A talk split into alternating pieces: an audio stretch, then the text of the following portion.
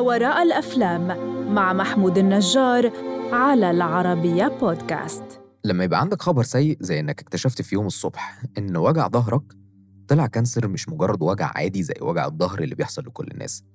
لما حياتك كلها تتبدل فجأة هتعمل إيه؟ ده اللي هحكي لك عنه النهاردة. أنا محمود النجار والنهاردة هنتكلم عن ما وراء فيلم 50-50 فيلم 50-50 مبني على قصة حقيقية وتجربة شخصية لمؤلف الفيلم نفسه ويل ريزر اللي اكتشف في يوم عادي جدا في حياته إن وجع ظهره عبارة عن cancer في العمود الفقري. وبعد تجربته الصعبة مع المرض أصدقائه إيفان جولدبرج وسيس روجن شجعوه يكتب أول فيلم ليه واللي هيدور عن تجربته مع ال cancer. وأنتجوا الفيلم وسيث روجن مثل فعلا دور صديق آدم بطل الفيلم اللي هيكتشف إن هو مصاب بال cancer.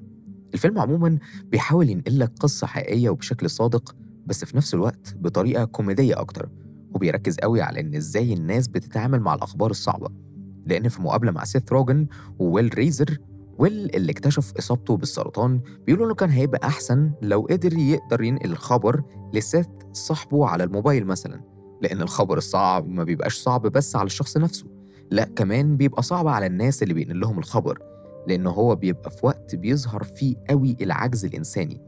ودي حاجة بنشوفها في الفيلم في مشهدين.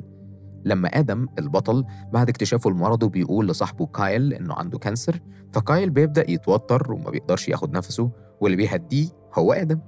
وفي المشهد اللي آدم برضه بينقل فيه الخبر لأمه. أمه بتتوتر وبتبدأ تتصرف تصرف شكله طفولي قوي لما بتقوم تعمل كوباية شاي أخضر وهي متوترة لآدم ولما بيسألها أنت بتعملي إيه؟ بتقول إنها سمعت إن الشاي الأخضر بيقلل معدل الإصابة بال cancer. فآدم ابنها بيهديها وبيقول لها إن هو خلاص هو عنده cancer already إحنا مش في مرحلة احتمالات. كمان بيبان قوي قد إيه البشر بيفكروا في أسوأ احتمال وإن ال cancer في الغالب معناه الموت. لما كايل بيعمل حفلة لآدم في الشركة اللي بيشتغلوا فيها علشان يخلي الموظفين يدعموا آدم فالموضوع بيتحول من دعم لأنها تقريبا كأنهم بيودعوه خلاص. ده غير القرارات اللي ممكن حد ياخدها نيابة عنا في الوقت الصعب ده زي إن ريتشل مثلا صديقة آدم بتجيب له كلب. علشان هي شايفة إن ده أكيد هيدعمه في محنته. المهم إن بعد كل القلق والتوتر اللي بنمر بيه في أول مشكلة بنبدأ ندور على طيب هنعمل إيه دلوقتي؟ والحل في حالة آدم البطل بتاعنا جنب العلاج والمتابعة ودعم عيلته وأصحابه هيبقى الاستشارات النفسية اللي المفروض هتعلمه إزاي ممكن يتعامل مع المشكلة دي. آدم بيبدأ يتابع مع دكتورة نفسية صغيرة في السن نسبيا ولسه بتحضر دكتوراه. الدكتورة كاثرين. اللي آدم هيبقى تالت مريض في سجلها وده هيخلي الموضوع صعب عليه إن هو يثق فيها أو يبدأ يتكلم معاها عن مشاكله. وعشان جوه حياة شخص مصاب بال cancer هنبدأ نشوف شكل الجلسات العلاجية اللي بيمر بيها. وفي أول جلسة لآدم ريتشل صديقته بتوصله والمفروض إنها تحضر الجلسة معاه لأنها وعدته بده. بس ريتشل بتقوله إنها هتستناه في العربية وإنها مش عايزة تبوظ شكل الطاقة اللي ما بينهم. ورغم إن ده شيء حزين جدا لآدم بس ده هيخليه يندمج مع مرضى غيره في الجلسة. حياة آدم هتنتقل ما بين شكل جلسته في المستشفى وجلساته النفسية. الفيلم هيبدأ يركز على إزاي ممكن نفس الأشخاص اللي كانوا داعمين جدا في بداية المشكلة ممكن أوي يزهقوا بسرعة لأن محدش بيبقى متخيل إنها رحلة طويلة أوي وصعبة كفاية سواء على آدم نفسه أو على الناس اللي حواليه.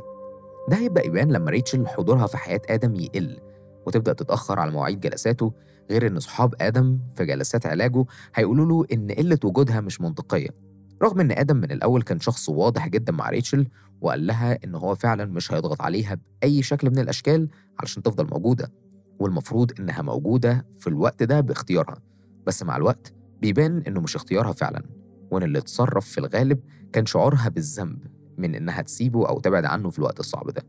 ودي حاجة ريتشل هتعترف بيها في خناقة بينهم لما تقول لآدم إنه الموضوع كان صعب عليها وإنها عمرها ما عرفت تتصرف وإنهم كان ما بينهم مشاكل من قبلها بس لما تعب حست إنه أكيد مش الوقت المناسب إنها تبعد. بعد خناقة آدم وريتشل آدم بيبدأ يثق أكتر في العلاج النفسي وبتتفتح له مساحة جديدة يعبر فيها عن مشاكله وأول ما بيتكلم عن أمه وعن إنها في العادي شخص قلق جدا ومتوتر طول الوقت وده يمكن بيقول لنا ليه آدم طول الوقت كان الشخص اللي بيحاول يهون على اللي حواليه خبر إن هو عنده كانسر؟ لأنه متعود يتعامل مع المشاكل ويهدي أمه أكتر أكتر ما يقلقها بمشاكله. وبيظهر طول الوقت خلال جلساته النفسية قد إيه هو شخص بيحاول يخبي مشاعره أو يتعامل معاها بنفسه أكتر. لأن ده بالنسبة له أسهل وأحسن من إن هو يتعامل مع القلق اللي هيجيله من إنه يشاركها مع حد تاني. بس لأن الحزن أكتر عاطفة بتقرب البشر من بعض ولأن آدم لوحده بيقرر يتصل بأمه علشان تروح معاه للدكتور والأول مرة بيتكلموا مع بعض عن مشاعرهم ناحية مرض آدم. وأمه في الآخر هي أمه. خايفة عليه ومش قادرة تتعامل مع فكرة إنها مش قادرة تساعده أو إنه حتى مش سايبها تبقى موجودة جنبه. وبيعرف في الوقت ده إنها بتحضر جلسات علاج جماعي مع أهالي غيرها ولاد عندهم cancer علشان تعرف إزاي ممكن تتعامل مع آدم. ومع قرب النهاية بتكتشف إن ورم آدم للأسف ما كانش بيستجيب للعلاج. بس إحنا قدام قصة لشخص هزم ال cancer فعلا فأكيد النهاية مش هنا. الدكتور بتاع آدم بيقول له إن هو في المرحلة دي علاجه الوحيد الجراحة وعلشان ال cancer في عمود الفقري فده هيخليهم قدام جراحة صعبة جدا ومرعبة بالنسبة لشاب عنده 27 سنة. بس الجراحة بتعدي بشكل عادي وكويس جدا وآدم بيهزم الكانسر وبيبدأ يعيد ترتيب أولويات حياته من تاني. علشان تاني الحزن والموت أكتر حاجتين بيخوفوا الناس. وبيعيشوا عمرهم كله بيحاولوا يهربوا منهم. هما نفس الشيئين اللي بيقربوا الناس لبعض أكتر وبيساعدوهم في أوقات مستحيلة زي المرض اللي مش عارفين هيعدوا منه ولا لأ. كمان كان ظهر طول الفيلم قد إيه آدم شخص بيخاف على نفسه وصحته وبيحاول يبقى في أمان طول الوقت.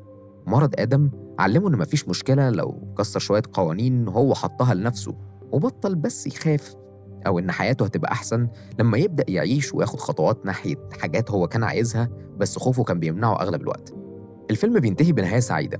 آدم متعافي علاقته بأهله وصحابه بقت أحسن وحتى قدر يطلب من البنت اللي كان معجب بيها إن هو يخرج معاها رغم إنها كانت الدكتورة النفسية بتاعته. ودي حاجة مستحيل آدم كان يعملها قبل ما يعرف قيمة الحياة. ورغم إن دي حاجة قد تبدو كليشيه بس الفيلم ما كانش كليشيه خالص. بالعكس آدم البطل ما بيقفش يدي حكم ومواعظ في أهمية الحياة وجمالها وده أكيد لأن هو اتكتب على إيد شخص موهوب أولاً ومر بنفس الأزمة ثانياً. وأكيد ما كانش حابب في وقت معاناته يسمع عن إنه ضيع حياته ما قدرش يعيش صح. هو مجرد شخص أدرك الحياة فجأة ومتأخر. شخص كان قريب قوي من الموت حاول ينقل قصته بس للناس علشان يمكن في أي وقت ده يديهم أمل ما لأن سواء المؤلف أو البطل اللي اتفرجنا عليه مروا بمرحلة ما كانوش مصدقين فيها إنهم ممكن أبدا يعيشوا من تاني. وسيث روجن في حواره لمجلة باريد قال إن سواء هو أو ويل ريزر صديقه مؤلف الفيلم كانوا بيحاولوا يصوروا الحياة عموما أو إنها كانت أكيد صعبة في الوقت ده عليهم.